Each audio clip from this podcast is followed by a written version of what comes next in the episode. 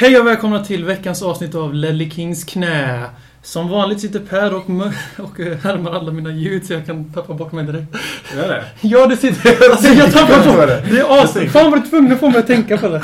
Vi sitter verkligen såhär, hej. Tänker han det? Ja, han gör... Kolla på honom. Nej, men Nu är han ju medveten om inte det. För, för våra lyssnare så innebär det här alltså att Per sitter och mimar de han Tack, tittar tack. Det är på. så heter det. Man. han sitter och mimar. Om jag pratar nu sitter han och rör på läpparna och tittar på mig. Det är jätteroligt att kolla på. Jätteroligt är det. Vad skulle du säga Björn? Ja, Ska veckans... Ska- Jag börjar om igen nu alltså. Den här gången ska jag inte skratta åt att du mimar. Varsågod. Hej och välkomna till veckans avsnitt av Ledley Kings knä, det kända Wilson Palacios avsnittet. Idag kör vi lite annorlunda stuk och vi kommer börja med en alternativ jingel inskickad av Micke Ström. Tackar för det. Och sen så går vi direkt över till Robins material från London.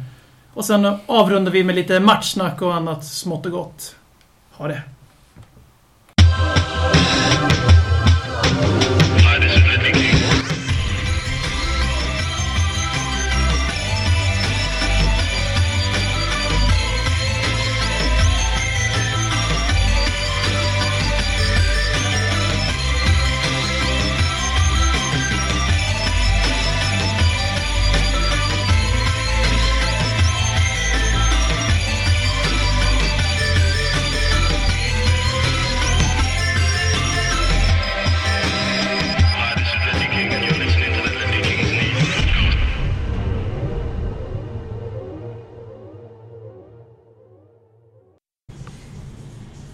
Yes, jag sitter på puben The Bull precis utanför London Liverpool Street i London med Anders Ås. Säger man Ås? Ja. Ja, välkommen. Tack, tack. Vem är du? Du bor i Birmingham. Ja, norsk student, bor i Birmingham og selvfølgelig Tottenham-supporter. Ja, såklart. How would you like your burger cooking, sir? Uh, well done, please. Well done. Och vi hör, fick ju även höra att Anders gillar sina eh, stekar well done. Ingen medium rare-kille. Nei, absolutt ikke. Vi ehm, sitter ju alltså i London här just nu och eh, både jag och Anders har lite huvudvärk över hur vi ska ta oss hem faktiskt. Eh, Anders ska ju till, till eh, Birmingham här sen då och tågen och, bussarna är ju inställda på grund av en storm som passande nog heter också St. Jude. Det kan vara stormens eh, vrede över Tottenhams eh, supporternas eh, flitiga användare av ordet jid kan man ju konspirationsteoretiskt fastslå kanske. Jag vet inte. Jeg føler det er spot on. Ja, jag tror det.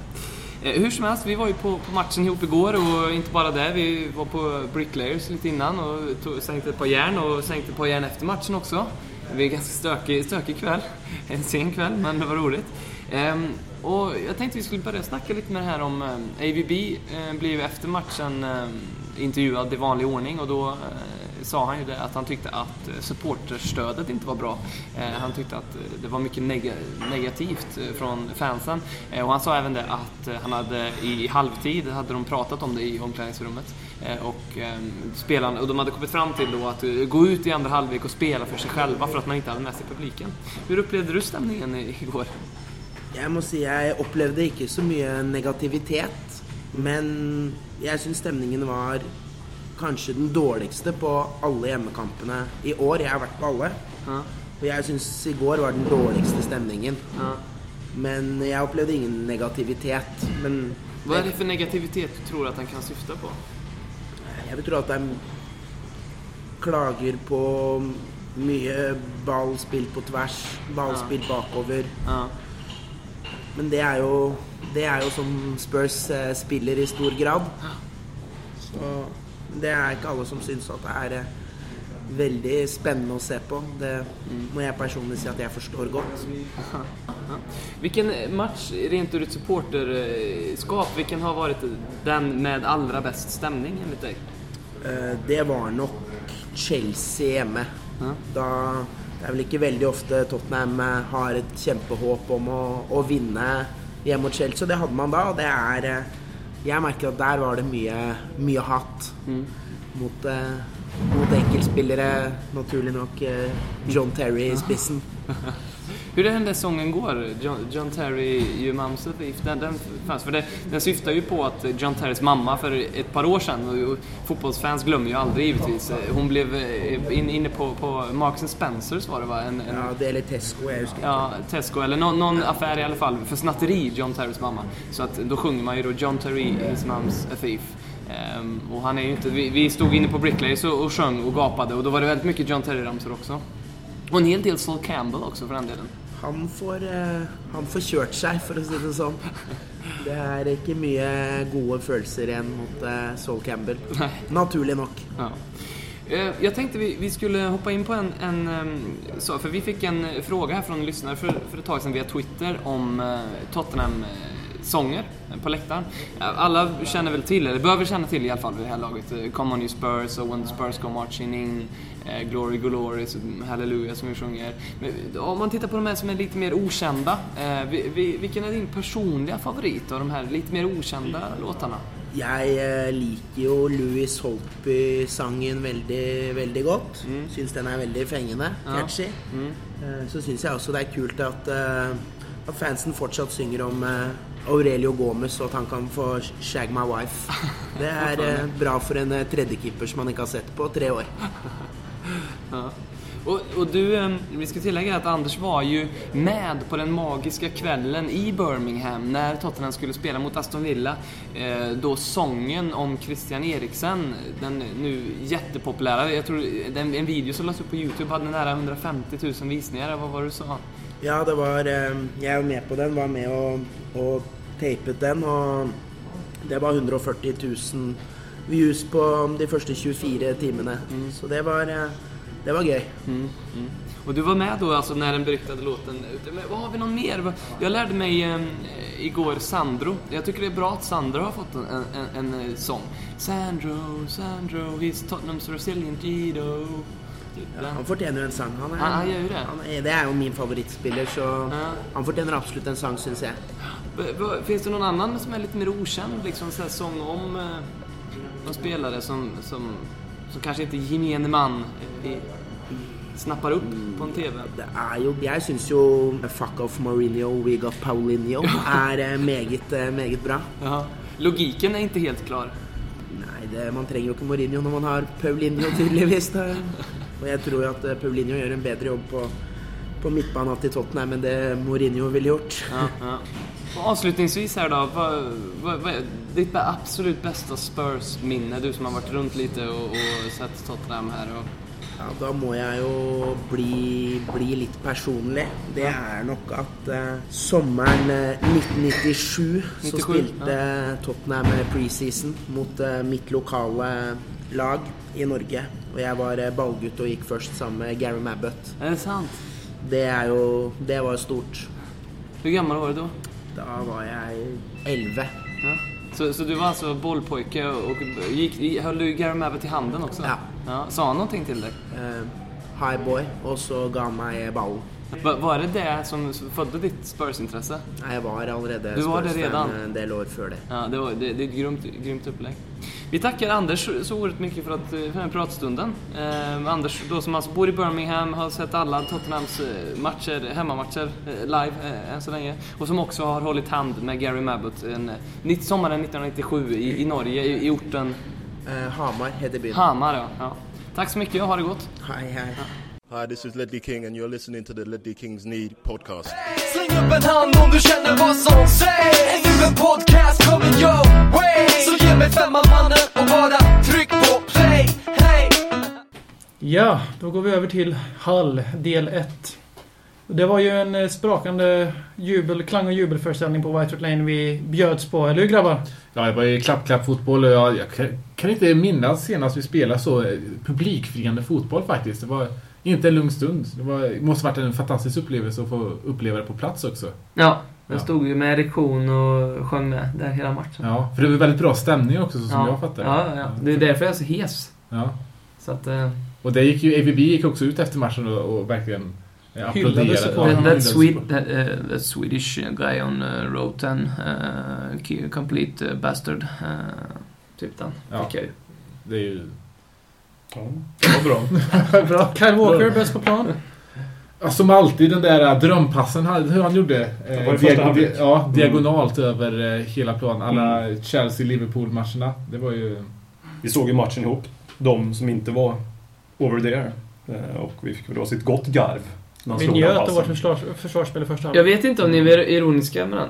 Eller jag kommer inte ihåg det. Det var ironiska. Alltså det var ett pass i första halvlek som han slog på sin högerpassposition till vänstersidan. Ja. Var det andra halvlek? Måste det måste ha varit i första. kommer inte Ja, ihåg det. oavsett.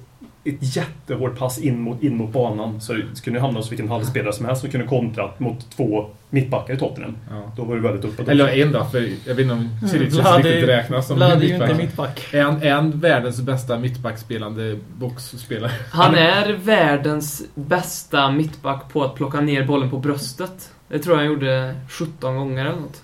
Men sånt, sånt gillar vi. Det är svårt att stå... Nu stod jag på kortsidan. Då är det väldigt svårt att se vilka som utmärker sig, ska jag säga. Mm. Det är väldigt Så är svårt det. att se. Så är. Så att eh, jag, jag, jag hade jättesvårt att... och Jag, jag kan inte peka ut någon som gjorde, jag tyckte gjorde... Soldado tyckte jag gjorde en oerhört bra match. Ja, men jag, jag, Han, ja, eh, absolut. För jag tycker att han börjar mer, mer, mer och mer komma in eh, i spelet. Håkman har varit inne och eh, touchat på det här ämnet om att vi använder Soldado helt fel. Jag vet inte Mm. vad du, du tycker om senaste matchen, för han var ju ändå en av de bättre i, Soldado. Soldado är ju en bra spelare och Soldado gör även detta jobbet helt okej. Han får göra fel jobb dock. Ja, men det är det som jag tänkte komma till här. Men fortfarande är det fel som jag skulle vilja se just Soldado som fotbollsspelare. För när vi spelar på detta sättet då är det absolut det bästa spelaren och är en, är en frisk Adebayor. Det är absolut det bästa.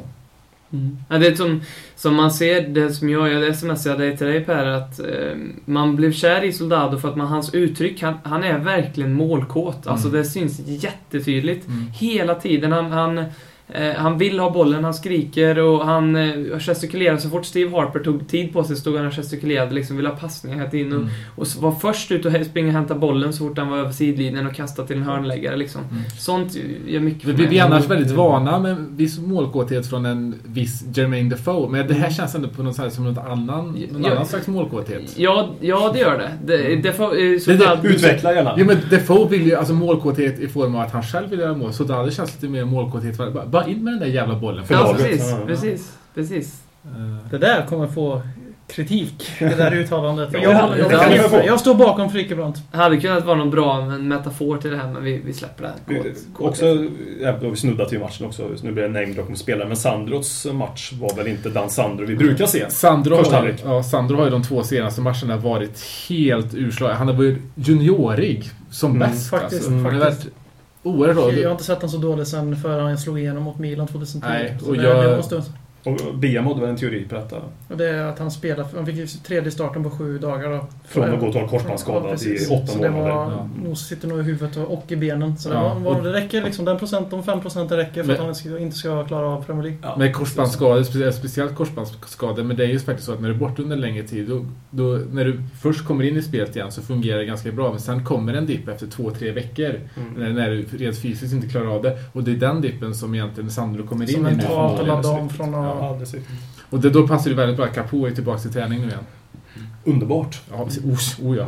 Vär, sak- världens bästa spelare. Jag förstår inte varför han inte var med i Ballon Jo, d'Or-nomineringen. men han kom, han kom nia precis Ja. utanför toppen. Han är ju underbar, Capo. Det, Det går inte att säga så mycket mer.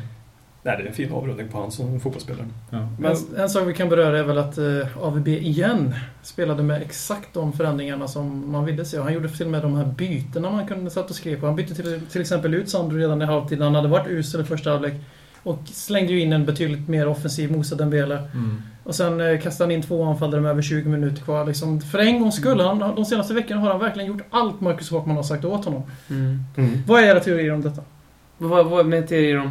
Om att han läser AVB Håkmans Twitter? Ja, det tror jag. Eh, garanterat. Ja, det är fint. Det var i alla fall första gången jag sett dem göra ett byte i paus. Mm. Och, och även de andra två bytena kom tidigare än vad någonsin brukar byta. Han Det- brukar vänta till eh, 78 minuter innan han försöker förändra en matchbild. Och då var han ju förändrad med samma spelartyp och samma position. Precis. Eh, och det, det är väl ändå ett tecken på att han eh, var nog väldigt missnöjd vad han såg ut på planen från spelarna. Och senare också vad han var missnöjd för publiken. Men, men han var ju väl, det var nog ett väldigt tydlig signal för att han agerade så tidigt i sina byten och ville förändra matchbilden. Ja, för det här var det här, alltså prestationen som så var ju inte speciellt mycket bättre än den vi såg mot West Ham hemma. Nej, nej. Ingen skillnad Ja, alls. jag, anser, jag anser att vi var sämre mot West Ham förutom den här freak-perioden där West Ham Ja. gör tre mål. För alltså mot West Ham då hade vi åtminstone lite intention i spelet. Mm. Mot Hull så var det liksom... Jag har aldrig sett, jag har aldrig lagt märke till så många grejer där spelarna... Jag förstår att de lär känna varandra, jag förstår att de måste titta upp. För de, de, det sitter inte i ryggmärgen än vart de ska spela bollen, hur de ska spela bollen. Men så mycket felbeslut som spelarna tar och så egoistiskt det här laget är just nu. Det är liksom, som Håkman var inne på, det är ingen som tar en löpning för laget alls. för huvudtaget på hela plan. Jag tror mycket, och jag tror ett misstag han faktiskt gjorde, det var med att starta Lennon på vänsterkanten. Jag tror inte han kommer göra det igen. Eh, för det, det, han gjorde ju absolut ingenting. Lennon kunde inte utmana, han kan inte utmana på den kanten. Och jag tror det gjorde att vi inte riktigt fick eh, upp flytet. Jag tror vi behöver någon som kan gå bättre i djupet där. Ja, på han bytte, han, när han bytte på kant på Townsend och Lennon så vägde ju Townsend att spela kantspelare. Mm. Alla Ja. Gareth Bale. Han trodde att han hade en fri roll. Ja. Så det, Kanske För han han hade- försökte ju försökte ju rättfärdiga det. Han försökte göra rätt på det också i halvtid. Det var det som Ja. var poängen. Att han bytte över Lennon till höger. För du har helt rätt. Lennon ska inte spela vänsterkanten. Alltså, jag, jag håller med om det ni har sagt om att eh, AVB verkligen har gjort allt rätt de senaste veckorna och på så sätt har han, har han växt väldigt mycket i mina ögon på sistone. Mm. Men jag förstår inte att när vi spelar hemma mot Hall, en nykomling, för första gången så möter vi en nykomling på hemmaplan, så ställer vi upp med ett extremt kontringsstarkt lag. Men det är inte ett lag som kan hålla i bollen på offensiva tredjedelen. Det är inte ett lag som kan låsa upp nyckeln när vi har 10-11 man framför motståndarmål. Utan vi har Lennon, vi har Townsend som är jävligt bra kontringsspelare men som egentligen i mitt tycke inte gör så Framförallt mycket annat. Holtby, som är väldigt bra Holtby, eftersom han slår precis. bollen så, på Verkligen. så snabba tillslag och så. Mm. Eh, Och det, var, det, det är ju ren feghet. och, och den nya kontringsspelaren Vlad Kiriches. Ja, ja, ja, herregud. Jag vet inte ens vad jag ska säga, men det, jag älskar den mannen. Mm. Om en mittback är uppe i boxen när det inte är en fast situation, då har han, då har han min röst alla veckan. Visste ni, visste ni att eh, Tottenham på... Det här läser jag, det ligger en biografi här om Tottenham Hotspurs historia som jag hittade. Eh, och visste att vi var den första klubben att flytta upp mittbackar på hörnor. Var det så? Eh, ja, det var Tottenham revolutionerade en fotboll med att göra det. Det är många grejer vi var först med, det var en av dem. Ja, ja vi Det är var det först med många grejer. Ja, Argentinska fotbollsspelare. bland Förlorade annat. med West Ham 0-3 hemma. Ja. Ja, det kommer aldrig någon mer göra. Det kommer inte hända. det blir nog inte bara för oss, vilket lag som helst. Ja. Men eh, vi möter ju samma lag igen imorgon slash idag för er som lyssnar på podden. Och eh, vad ska vi säga om det är kort? Det kommer väl bli 6-0 klang och jubel på riktigt förmodligen. Det tror jag också. Och så nio nya spelare i startelvan ungefär. Ja, nej, det är- Friedel. Det, det känns skönt att Lamela, till exempel, att han får spela mot Premier League-motstånd nu, trots att det inte är För Premier de kommer League. förmodligen Mm. spela samma laghall för de har så fruktansvärda skadeproblem så Ja. de kommer inte ställa ut något kan- reservlag i alla fall. Nyttigt för att komma in i Mm. den typen av match och inte bara i Europa League-matcherna, för den skiljer sig ju ändå. Mm. Ja, absolut. Det är extremt stort. Ja, alltså det är ju inte lätt att komma in och spela så här eh, 90 minuter borta i Moldavien. Mm. Eller, nu var det inte 90 minuter, nu var det ju snarare 60 minuter och ändå fick han inte spela i den här matchen. Nej, Utan det fick Lennon som kom tillbaka Ja. som skada. Ja. Ja. Jag vet inte, jag, jag säger ingenting om det. Ett mål för Tom kan vi unna, tycker jag också. Om, om, Om, han man ger fan i att nästan kvittera 95 minuten Det- så det var faktiskt-.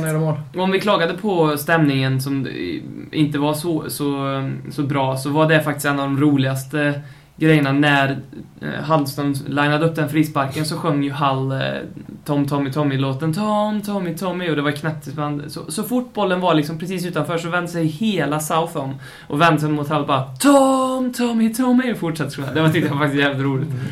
Eh, hyllade honom lite för att han missade. Ja. Men han var, kul att få se Tom igen.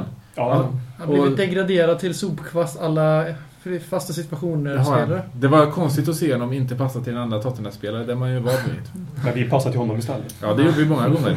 Sandro, bland annat. Ja. Ja. Var, jag tycker han är bra, Tom Huddleston. Han kommer i sin rätt i den där klubben. Det är ju helt rätt av honom att, Mm. att göra det. Han skulle ha stuckit tidigare Får faktiskt. Livermore spela mot oss i ligacupen? Nej, Okej, det var synd. Jag vill se honom. tror jag inte i alla fall. Nej, Det var så jävla bestämt. Nej han, får, han får inte spela mot Det, oss det är alla, överhuvudtaget. alla turneringar överhuvudtaget. Ja. Det är inte som i Allsvenskan där, där motståndarnas bästa spelare kan spela mot moderklubben. Ja, ja, precis. Och avgöra och ta bort den sista gulddrömmen. Nej, men... eh, Så, sen har vi upptäckt också att matchen förmodligen inte kommer tv-sändas överhuvudtaget. Så om det är någon som hittar en länk eller något till en tv-sändning eller radiosändning av matchen mot Hall så får ni gärna dela med den via våra kanaler så vi kan sprida ut den till så många som möjligt. Alltså Ledley Kings knä på Twitter och Facebook. BBC Radio London brukar eh, radiosända matcherna. Så det är ju tips om det nu inte eh, går på någon taskig stream någonstans. Jag kommer inte ihåg vad han heter där, men det är den absolut bästa radioreporten i- någonsin. Som, han drar så sjukt mycket metaforer. Jag kommer ihåg eh, Pascal Chimbonda is running up the field like a tiger from Winnie the Pooh. Han, han drar såna där sjuka grejer, så jag rekommenderar verkligen den där. Ja, Jag kommer lyssna på det. Jag älskar när eh, fotbollsmatcher går på radion. Om man inte har något annat alternativ, det är underbart. Eh, nostalgiskt. Mm. Ja, det är nostalgiskt, men också... Kanske därför det är underbart också. Ja. Men jag skulle inte vilja ha så varje gång, men i ligacup omgång fyra kan vi gott unna oss en liten radio, radiomatch tycker jag. Så gå över till den riktiga matchen den här veckan. Den som är på söndag.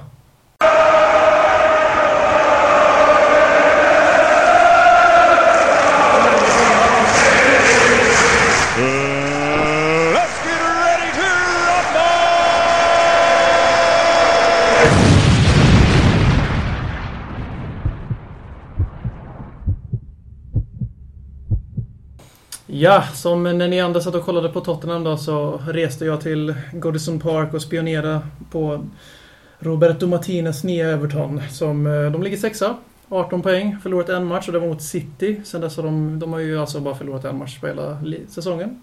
De inledde dock svagt och spelade kryssade tre raka omgångar. Sen dess har de gått som tåget. Slagit Chelsea med 1-0 var väl, var väl kronan på verket. Och som de flesta vet så är ju deras stjärnor Leighton Baines, Premier Leagues överlägset bästa vänsterback, offensivt godståg, magisk vänsterfot. Två mål och ett antal assist den här säsongen och förra året så låg han väl bakom mest småchanser i hela fotbolls-Europa. Så har de ju Håkmans crush, Lukaku på topp. Precis som i Bentekes fall så är mycket av offensiva spelet i tredjedelen, sista tredjedelen Centrerat kring denna ramverk för muskler och kraft. Som han har dunkat in fem bollar på sina nio matcher. Och de åtta blir det ju för han fick ju inte spela mot Chelsea. Sen har de också fått ett litet genombrott i form av eh, Ross Barkley som alla engelsmän runkar över. Med god, god eh, bakgrund. Varit hyfsat bra, rätt så ung. Har eh, växt ordentligt. Två mål. Fantastisk, fantastisk fotbollsspelare. Jag menar det. Han är Han faktiskt är på riktigt. Alla de här tre är fantastiska Ja. fotbollsspelare. Det är en spelare som har mått väldigt bra och har Martinez som tränare Mm. jämfört med David Moyes. Och det är bara kul att du kommer in på det där, för under Martinez så har ju Everton eh, skolats om taktiskt ganska brutalt. Men de Jo, har en sak kvar från Moyes och det är att de anfaller överlägset mer på vänsterkanten. Jag kan absolut inte förstå varför. Det kan, vara no kan ha någonting med Leighton Baines att göra, jag är osäker. Men i alla fall, de har gjort 14 mål under Martinez. 11 från öppet spel. Så de, och tre stycken på fasta situationer då. Och då var det väl två frispark samma match från Baines va? Mot West Ham. Mm, stämmer. Så det, det är ju absolut, de är, och de spelar alltså mer kortpassningsspel än vad Tottenham gör enligt statistiken. Mm. Så är, de är tiki-taka Everton nu. Med lite betydligt bättre fart än Spurs. Men det har ju en gammal 85-årig kärring på rullator också. Så Det kan man också säga. Det ska bli riktigt kul att, att, att få möta Everton igen. Speciellt alltså nu när de har det här nya. Det är ju verkligen ett nytt Everton. ja, och det har gått fort för dem att implementera hans Ja, idéer. Alltså, det, det, det Det ser man. betydligt bättre ut än vad det gör för... Det så, såg ju väldigt knackigt ut i början. Jag trodde inte, absolut inte att det skulle gå så här bra. Men de värvningar som de gjorde på deadline day, de, gjorde, rikt- de, de, var, de var ju de det är stora de, det är vinnarna. de, det är de som räddade, det är, det är de värvningarna. Det är Lukaku och McCarthy Mm. bland annat. Det är de som har räddat det. Annars hade det inte gått för Everton, är jag ganska övertygad om. Eh, jag trodde också att Everton skulle få en svår säsong och kanske de fortfarande kan få, men jag har blivit imponerad av deras spel. Framförallt för att Roberto Martinez tycker jag, eller tyckte i alla fall, han kanske motbevisar mig nu, var en överskattad tränare. Han har ju Mm. liksom lyckats med Wigan hålla dem kvar. Man. De har ju släppt in 75-80 mål varje säsong. Nu kanske jag tog i lite, men de har släppt in mest mål. Så, så, långt, så mycket överdrev du inte i alla fall. Men de, så, det är det. sen en, en, två saker till. Deras ytterbackar är någonting som jag är väldigt förtjust i. Coleman och Båda Baines, två. ja. Ja, jag tycker Simons Coleman är också Ja. väldigt bra högerback. Tycker... Fantastiskt mot Spurs i fjol. Ja. Helt otroligt bra. Ja, visst. Jag tycker han är bättre än Kyle Walker till exempel. Ja, jag med. Gone is the days of Tony Hibbert. Det är de. Mm. Då, just det, det glömde jag. Deras största svaghet är dock är att de är extremt sårbara på djup, i djupet bakom deras backlinje. Och vi- Extremt verkligen. Där, har Det är det de. Och vi springer ju väldigt mycket djupled så också. det passar oss bra. Det blir perfekt. Ja. Match sen- made in heaven. De har ju inte förlorat på 15 hemmamatcher heller. Hörde jag. Så det är väl... Ska man väl ta i beaktning inför matchen kan jag tycka. Och kanske inte stå där och vara En naiva och En kräva poäng, tre är poäng. absolut, en poäng är absolut godkänt på Goodison Så- det Park. Så de har förlorat en match i fjol och det var på, i år och det var på bortaplan mot Manchester City. Ja. Och Men eh, de eh, piskade oss i fjol. 2-1. Fast det var ju Steven Carkers härliga kavalkad med misslyckanden på övertid och sen tog de också poäng på White Hart Lane. Där vi borde tagit mer än en poäng, men då var det vi som kvitterade sent. Tappar vi som vi gjorde senaste, förra säsongen på bortaplan, då är jag inte nöjd med en Nej, poäng. men de man aldrig... Det. Så det beror ju på hur man tar en poäng naturligtvis. Men sitter du här och nu och ger mig en poäng mot Everton borta så tar jag den poängen jättegärna. Mm. Det är inget snack om Jag saken. tror vi kommer att passa oss bra att möta ett, ett, ett lag som är... De är ändå, man får inte säga, de är ett spelförande lag nu, Everton. När de, under Moyes så var de ju med, då satt de igen och väntade ut Spurs och kontrade med Mirallas, Mirallas och Baines och Coleman och det hade de ju extremt stor framgång med mot oss. Tror tror det handlar mycket om ehm, Everton som har snott lite av det som jag vill att Tottenham ska ha. Dels fotbollen och, eh, och även eh, Tim Howard som har snott Sandros skägg. Eh, men jag tror det handlar mycket om att ganska snabbt få, om vi vill spela den här possession-fotbollen, att ganska snabbt inruta den i en sån här match. Så att inte man bygger, eh, fortsätter bygga på Evertons momentum, att de får styra från start. Utan att vi kommer dit och, och spelarna går ut och får känna självförtroende. Att de kommer och kan hålla i bollen och att vi kan ändå spela lite grann, även om det kanske inte blir världens mesta målchanser, men att vi har mycket possession och att vi skapar lite grann. Som vi gör lite långskott eller vad fan som helst. Tror det kommer vara viktigt. Vi, vi, har, vi har alltid överlägset possession. Så det, jag, tror till och med vi, jag tror vi till och med vi vann bollinnehav mot Arsenal borta. Så det, Jo, det gjorde vi. Men Så- jag tror det är absolut viktigt i en sån här match med det laget, eftersom de gör så mycket mål i, i öppet spel och de har de här spelarna som kan löpa så bra. Eh, och med tempot också.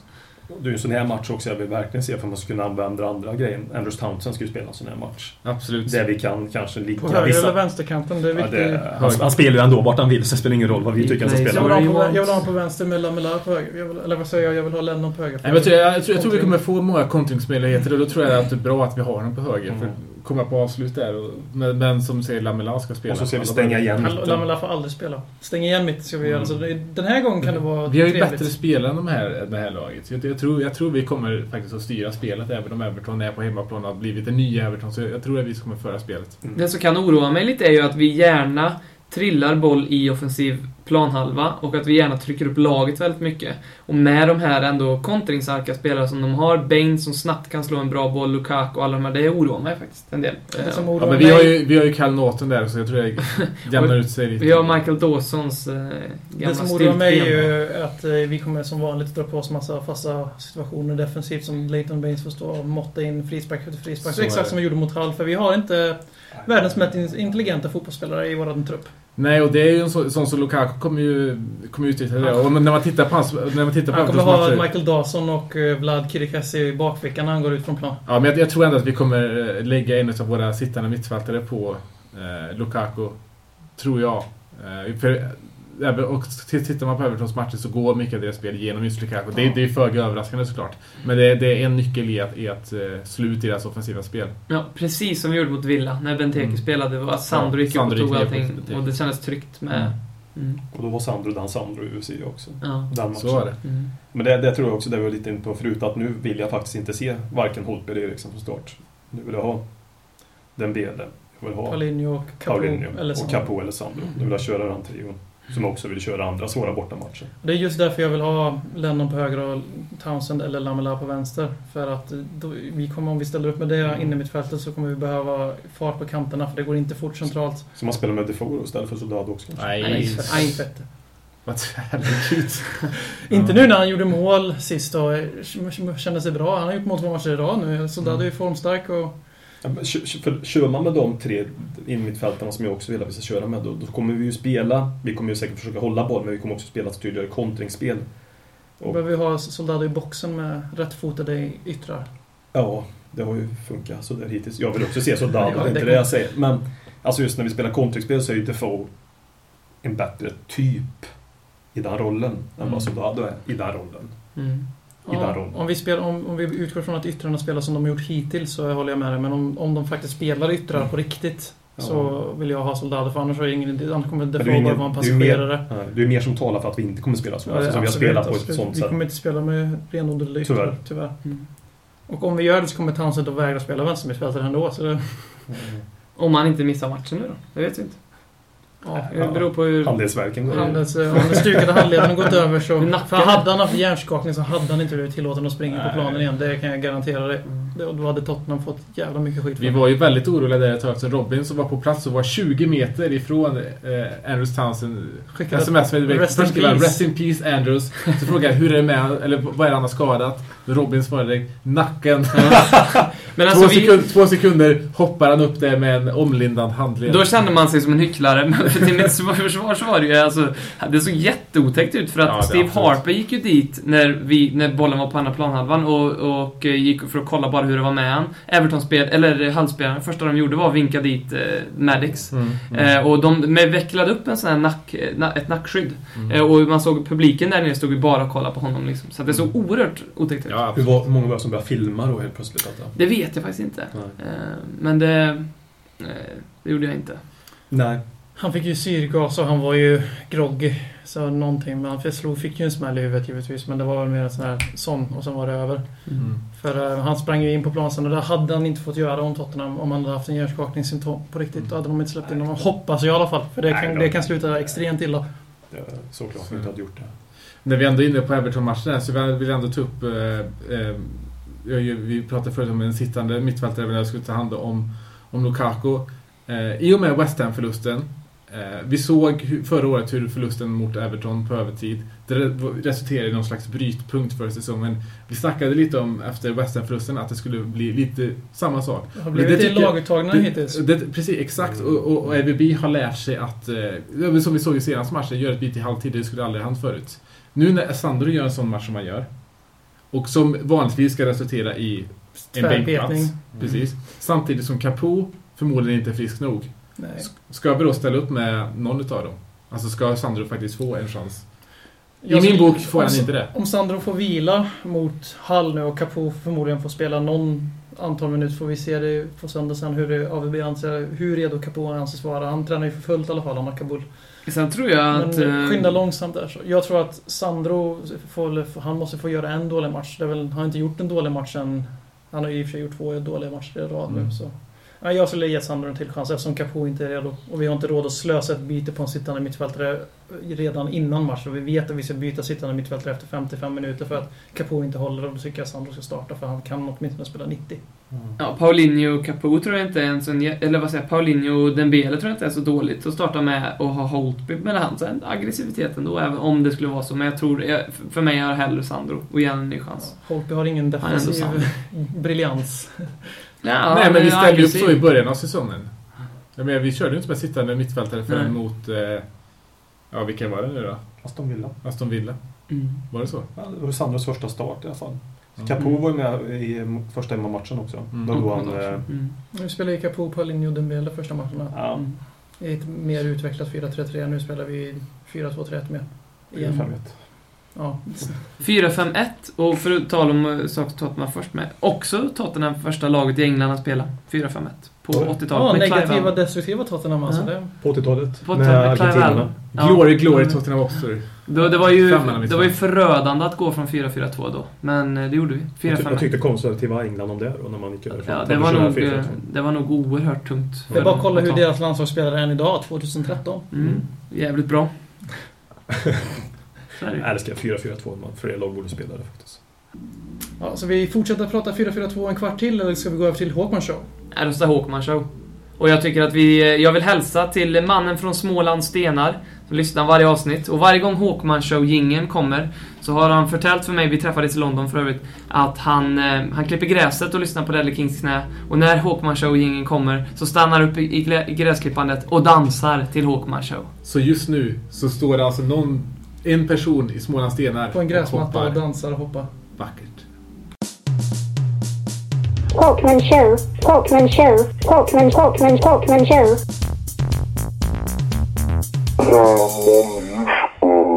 Yes, jag tänkte prata om fotbollsspelare och deras pinsamma agerande mot domarna som de har nu för tiden. Som de möjligtvis inte hade för 20 år sedan, vad jag vill minnas i alla fall. Vid varje domslut, som det känns så gott som, som går emot det ena laget, så är det fram en 5-6 spelare på domaren. Och sen protestera om detta. Eh, detta borde nu i fortsättningen få ett gult kort, tycker jag, till alla som går fram. För det, blev, eh, det händer jämt. Till domslut som är solklara. Även att när spelarna själva till exempel, bollen går ut till inkast och det är supertydligt att det är en viss spelare som slår ut bollen. Ändå slänger till exempel upp Danny Rose upp handen och säger att det är vårat inkast. När han petar ut den. Det ska fuskas hela jävla tiden till varje jävla pris. Det är inte nog att de bara filmar nu utan det är ju även på domarna. Hela, hela tiden. Barca Real är väl de största jävla äckelexemplen på detta som håller på med detta. Så in i helvete. Äckliga, vidriga jävla Barca med Puske som är i spetsen som håller på med detta. Och detta är tyvärr börjar hända hos oss också nu. Inte, absolut inte på samma nivå men... Eh, och tro mig, domarna gör ofta en jävla dålig insats men på det här tycker jag faktiskt att domarna skulle ha helt, helt rätt till att slänga upp ett gult kort fort detta händer. Det är min åsikt. Talkman show, Talkman show, Talkman, Talkman, Talkman show.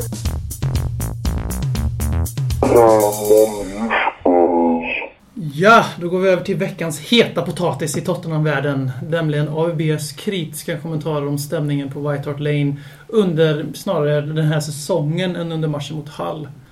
Och AVB sa ju att eh, spelarna kände sig inte välkomna mer eller mindre på White Hart Lane och att det var som, de upplevde sig som ett bortalag på White Hart Lane helt enkelt. Och att det var, de behövde inte den, ja, vad var det som sa, han, den fientliga atmosfären under, inte gårdagens, men under helgens 1-0 seger mot Hall. Och vi kan ju börja med att eh, Robin har ju redan berört detta i sin intervju med norrbaggen Anders. Men du kan ju få säga hur det upplevdes på plats för alla som lyssnar på podden. Jag förvånad när Per eh, smsade mig att eh, AVB hade gått ut och sagt det. För jag hade ju kört, min 3G-täckning var ju borta sedan länge så jag hade ingen aning. Utan blev jag faktiskt förvånad för det var inget jag reagerade... Jag kommer ihåg att, vi, att jag tänkte så här: okej okay, det är inte lika mycket drag idag. Men jag upplevde verkligen ingen negativitet. Så det vet jag inte vad han syftar på faktiskt. Inga burop. Och inga... Det hördes på TV Jo, det var Okej, ja det hörde inte jag. Det kanske var för att jag stod där jag stod liksom. Ehm, eller satt och stod och satt och stod. Men, ehm, och sen så, så tror jag väl att mycket av spelet, när det, ja, det man märker ju när man är på fotboll att det blir som bäst liv efter vi haft ett bra, en bra chans på mål, när man får en hörna, då kommer det igång ett tag. Och eftersom att det tog väldigt lång tid för oss för, för att skapa någonting, så kan det bli att man suttit, man har tagit några bärs och man lugnar ner sig lite. Ehm, så, så, så, så tänker jag. Okej, vi lyfte också den här frågan på vår Twitter förut och då fick vi, då fick vi idel ryggdunkar till AVB som alla tyckte att han hade rätt. Jag kan bara namedroppa några. Mr Snygg tyckte det var berättigat. Moonlight Drive 5 tyckte att, han, att AVB, han, han, AVB har hans stöd. Daniel Nordström sa att det var modigt och vettigt att prata om problemet. Nyckeln i en bra relation är att det måste finnas utrymme för konstruktiv kritik. Ev- Även Flem Cholet sa att detta var helt rätt och så vidare, och så vidare, och så vidare. Men var det så konstruktivt? Var det inte mer, han skulle ju kunna också sagt, jag skulle vilja, det här hade jag älskat om han sagt, när vi möter Hall nu igen, skulle jag älska att Tottenham-fansen var på G och sjöng direkt från Men det är, start. väl, det är väl det han säger egentligen. Ja, fast han uppmanar man- inte, om det är man, inte så eh, konstruktivt. Det är ju mer bara att säga, de var Jo, inte bra, det var Men om man, fientligt. kollar, om man kollar på hela intervjun, alltså i sitt sammanhang, så är det inte alls på det sättet som det fram. Han säger också, han inleder också citaten som Sky Sports, så ni hör ju, alltså det här är ju givetvis uppblåst, det fattar ju vem som helst.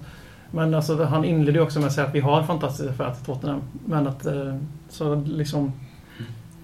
Och jag eh, kan ju vara vägen att jag tycker det är fan på tiden att, någon, att det tas upp det här. För det har varit, vi har börjat bli bortskämda plastsupportrar i, i våran klubb och jag förstår, jag köper inte ett argument. Det spelar ingen roll vad någon säger. Jag köper inte något argument om att man ska vänta på att bli underhållen före man börjar stötta sitt lag. Nej. För vad fan går du på fotbollsmatch för om du inte tänker stötta laget från början? Alltså, jag, tycker inte att du... Man, vad- går dit som en kund.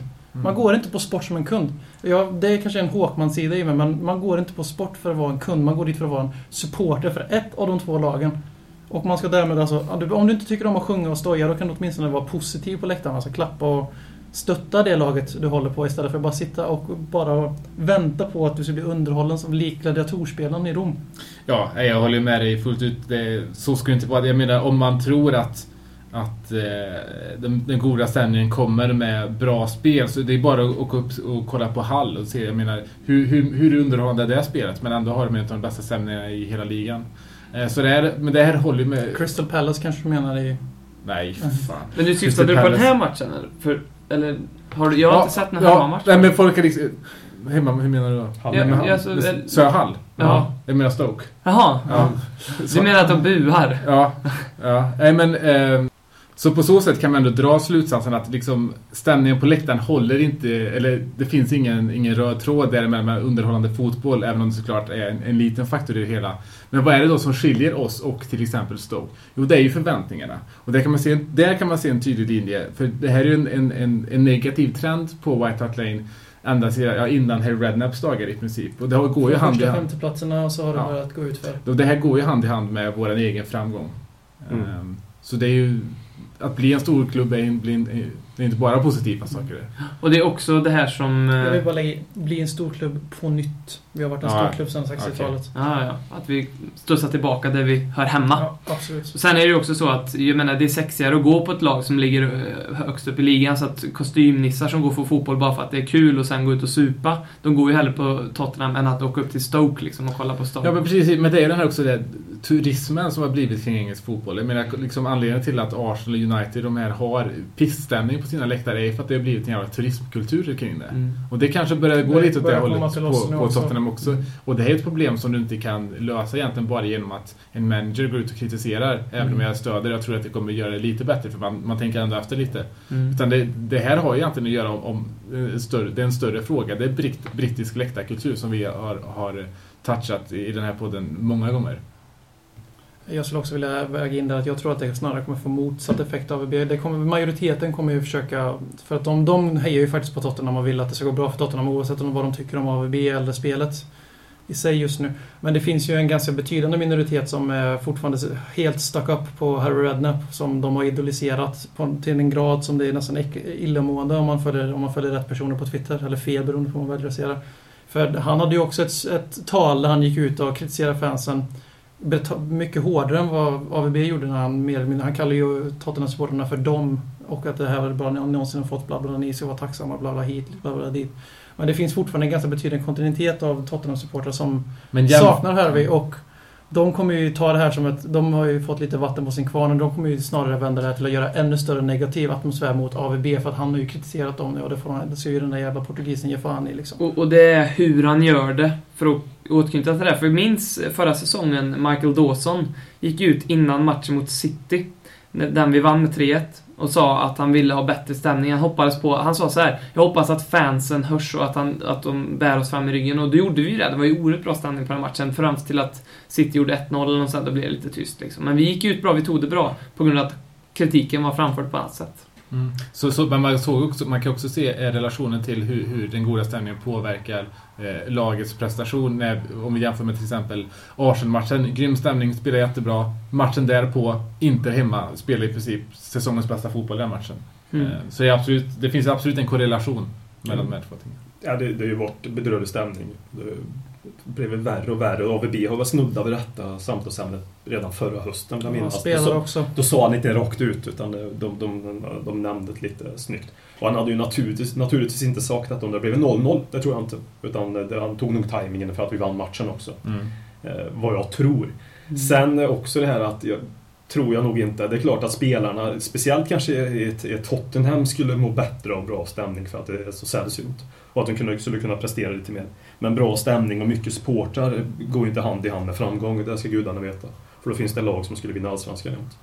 Eh, Så nej, Underförstått Bayern. Ja, kanske. Kanske Degerfors, jag vet inte. Nej, men äh, grejen är den att jag, mm, ja, jag håller med AVB också. Det är ju helt klart helt rätt det han säger. Samtidigt så, för att han skulle varit lite mer, haft lite mer känslig, spelkänsla i detta, skulle också kunna tycka att han skulle ha kritiserat spelarna här också i detta läget. Han valde För de- ju motsatt väg för att spela. Alltså det här hade ju alltså diskuterats i omklädningsrummet. Att- Ja, jag hörde så, det. De- så han gör ju det för att skydda sina spelare. Ja. Sen är det ju ett spel ur Mourinhos bok. Det är ju Ja. liksom ta bort eh, uppmärksamheten på fel. Jo, jag, jag förstår så också. just nu så att spelkänslan har kritiserat spelarna när de har lyft det här som ett problem mitt under brinnande match. Att det Mm. påverkar dem. Det hade varit ganska korkat tycker jag att då kritisera. Men jag håller med om att han måste börja kritisera spelarna och Mm. sig själv. Han, ja, sig själv hugger han på. Nu är det publiken. När blir det spelarnas tur att få ta en del av kakan? För det, är- som vi ser, det är ju inte bara... Det är inte alla andras fel att de spelar dåligt. Nej, för jag vill bara fortsätta. För han har ju helt rätt i all kritik han gjort hittills. För att jag säger att spelarna ska få kritik, kanske är matchen också, betyder ju inte att han har fel om publiken, stämningen, för den är ju Nej. dålig. Eh, Men jag tycker ändå för att han skulle haft lite spelkänsla, för nu är det vissa, jag är helt hundra som BM säger, att det är vissa som kommer rugga på detta. Och, men så kommer det ju alltid vara, han kan ju inte tillfredsställa 100% Tottenham-supportrar, och aldrig kommer göra heller. Men det, det, det är ju som, som BM sa innan att det finns lite två läger i det här och den, det är en väldigt tydlig geografisk splittring mellan de två. Här i Sverige, och eh, som vi också såg eh, när vi la upp den här frågan på vår Twitter, att i Sverige alla fans är positiva till AVBs kommentarer. I England så är det väldigt mycket tvärtom. Det Där- är där- 50-50 skulle jag vilja säga. Ja, det är tvärtom. Men det är ändå, jag menar, här finns det ju inte en jävel som inte håller med AVB. Och i, i England så är det ändå liksom, det finns den där kritiken eh, Mm. mot AVB just nu. Bland Tottenham-fans. Och det, och det är ju, och det är, det är, jag vet inte riktigt vad det ligger i, men det är såklart att de, de blir mer direkt beroende, eller de går ju på matcherna, de, de, de som ändå eh, kanske bidrar till den här dåliga stämningen som, ja, jag vet inte om man kan ta det lite personligt, som ett, som ett fan som går på varje match.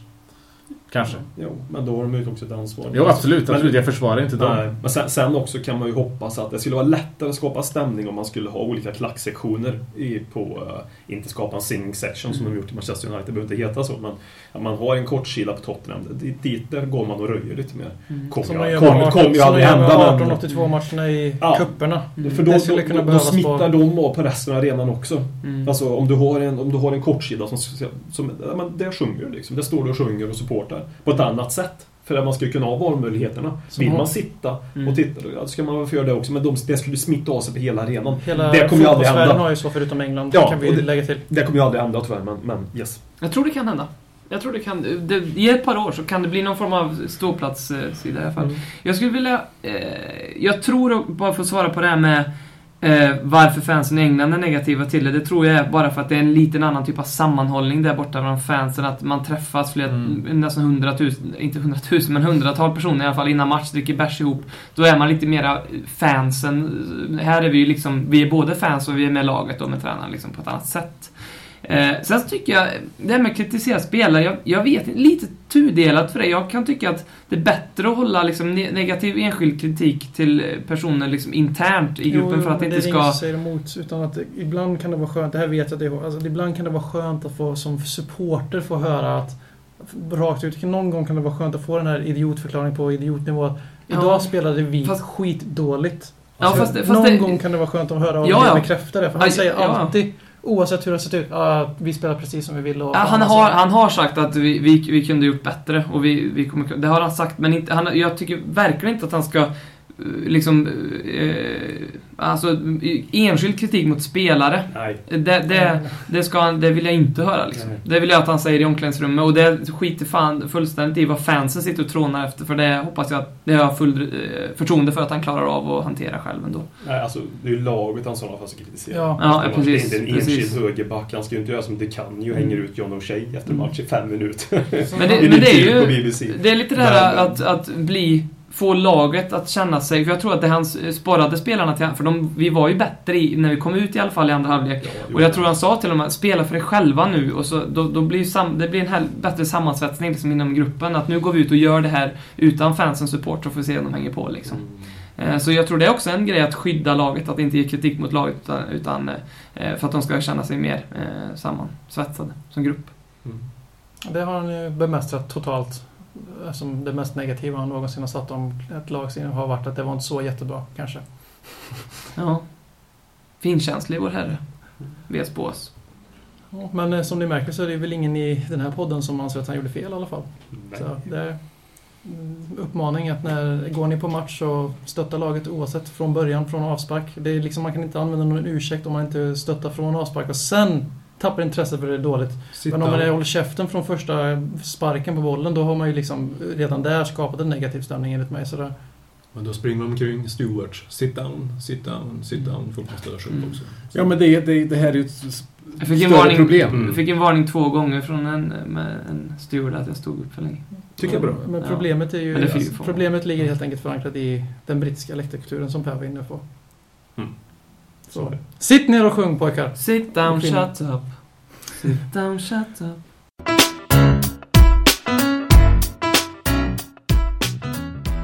Vi är fortfarande utanför puben The Bree Louise i Houston i London och...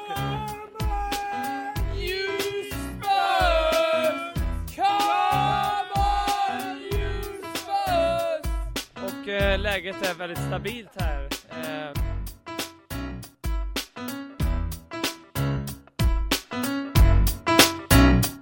Då så, då har vi kommit till den avslutande delen av podcasten som alltid handlar om att eh, vi pratar om frågor och ämnen som kommer in via Twitter och Facebook. Och vi får fortsätta uppmana våra älskade lyssnare att göra det här. Och försök alltid att styra frågorna kanske till saker som inte är relaterat om matchen. Eh, för när vi går igenom frågorna så upptäcker vi ofta att det här har vi eh, ja, pratat om egentligen. Så ställ gärna frågor i, i periferin. Mm. En sån fråga är från Jocke Wallin, även eh, kallad Wally. -E som har frågat oss en liten kreativ fråga här. Den relaterar kanske inte så mycket till Tottenham, men mer till Chelsea. Och vår egen podd. Han tycker att, eh, han frågar om vi har diskuterat att André Schürrle och Robin Dronsfield är lookalikes. Det har vi inte gjort. Det har vi inte ens tänkt på. Jag måste säga att när vi, vi snackade om det här före vi började spela in då, att det var ju en ögonöppnare. Jag, det var ju aldrig tänkt förut. Och sen Nej. När jag såg Schürrle, jag menar Robin komma ner för trappan förut så... När jag var lite mer plufsig. När kommit jag, överens om att du ska ju köpa en Schürrle-tröja nästa. Du får ju ha Tottenham med Schürrle på ryggen, helt enkelt. Eller hur? Ja. När jag var lite mer plufsig innan jag började ändra mina matvanor och träna mer då, och hade långt hår Förra och veckan. krulligt hår. Ja, förra veckan. Eller London. som det kunde bli efter den här Londonhelgen. Eh, då fick jag höra att jag såg ut som Jimmy Bullard. Ja, det är du med. Men det är kul för nu har vi faktiskt två lookalikes här på det. Vi har dig som Anders Schüller och vi har BM som Jago Aspas. Som fortfarande är enbart Per. Och sen så sitter Jörgen Pettersson här också. Ja, det är Håkman och Jörgen Pettersson. Jörgen Pettersson. Och vad Kanske, heter- kanske inte Alltså lika... Och vad heter, tjockis-Håkman som verkligen faktiskt var en lookalike på riktigt som jag inte kommer ihåg vad han hette nu. Men som såg exakt ut som Håkman. Och vad heter nu skådespelaren som du är väldigt lik Per? Dax Shepard. Dax Shepard. Googla så får ni se hur Per ser ut. Hur som helst, vi har fått en, eh, en bra fråga som inleds med en liten anekdot eh, ifrån Joakim Hindborg som skickar via Facebook. Hej! 19, ses- från, mellan 1993 och 1999 så var jag Spurs-intresserad. Sen 2000 blev jag en supporter. Tip of the day. Vad var det som hände det där, Vad var det som hände året där som inte gick från Cam, till... Campbell gick till Arsenal. Då var han bara, äntligen. 2001 gjorde han det. Ja, så kan det vara. Tip of the day. Ifall man vill döpa sin grabb till Tottenham och kärringen, frugan, inom parentes. Älskar sig kärringen. Ja. säger nej. Var smart. Ge förslaget Totte istället. Hänvisa till barnböckerna Totte. Eh, när han sen döps, lägg fram sanningen. vad, ty vad tycker ni om det? Kommer ni döpa era barn till Alltså, någonting Totte låter ju som ett låtsasnamn i min värld. Totte. Jag har faktiskt förhandlat fram Ledley halvt om halvt. Är det sant? Ja, Robin har ju förhandlat fram Hugo. Ja. ja, Hugo var långt innan eh, Loris kom faktiskt. Så det känns bra. Som jag får ge er tips, antingen så, ni har två approacher. Antingen så försöker ni indoktrinera er flickvän så att hon också blir smått Spurs-intresserad. Mm. Då har ni större chans att lyckas med att få döpa någonting med Tottenham-anknytning. Här, här kommer i alla fall en, det här Joakims fråga egentligen. Eh, och det var, eh, i och med att vi, det ryktas nu om nya arenor och sådär. Eh, Hur ställer ni er till ifall vi skulle flytta till någon annan plats eh, i norra London? Och det är ju givetvis, det vill vi ju inte att vi ska göra. Eh, men då kommer frågan, vart går gränsen? Hur långt liksom, ska vi flytta i- förrän det känns liksom fel? 100 meter.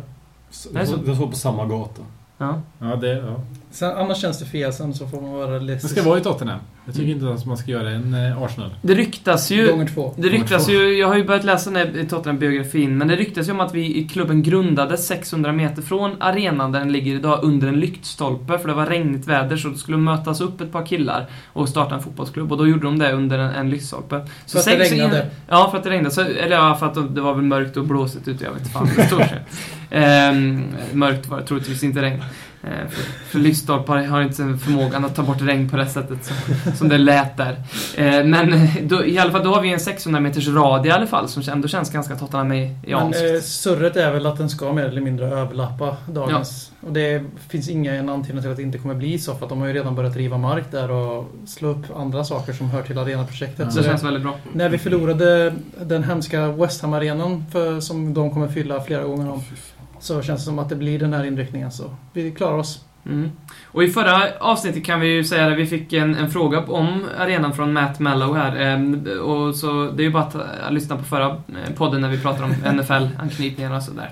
Eh, ganska mycket.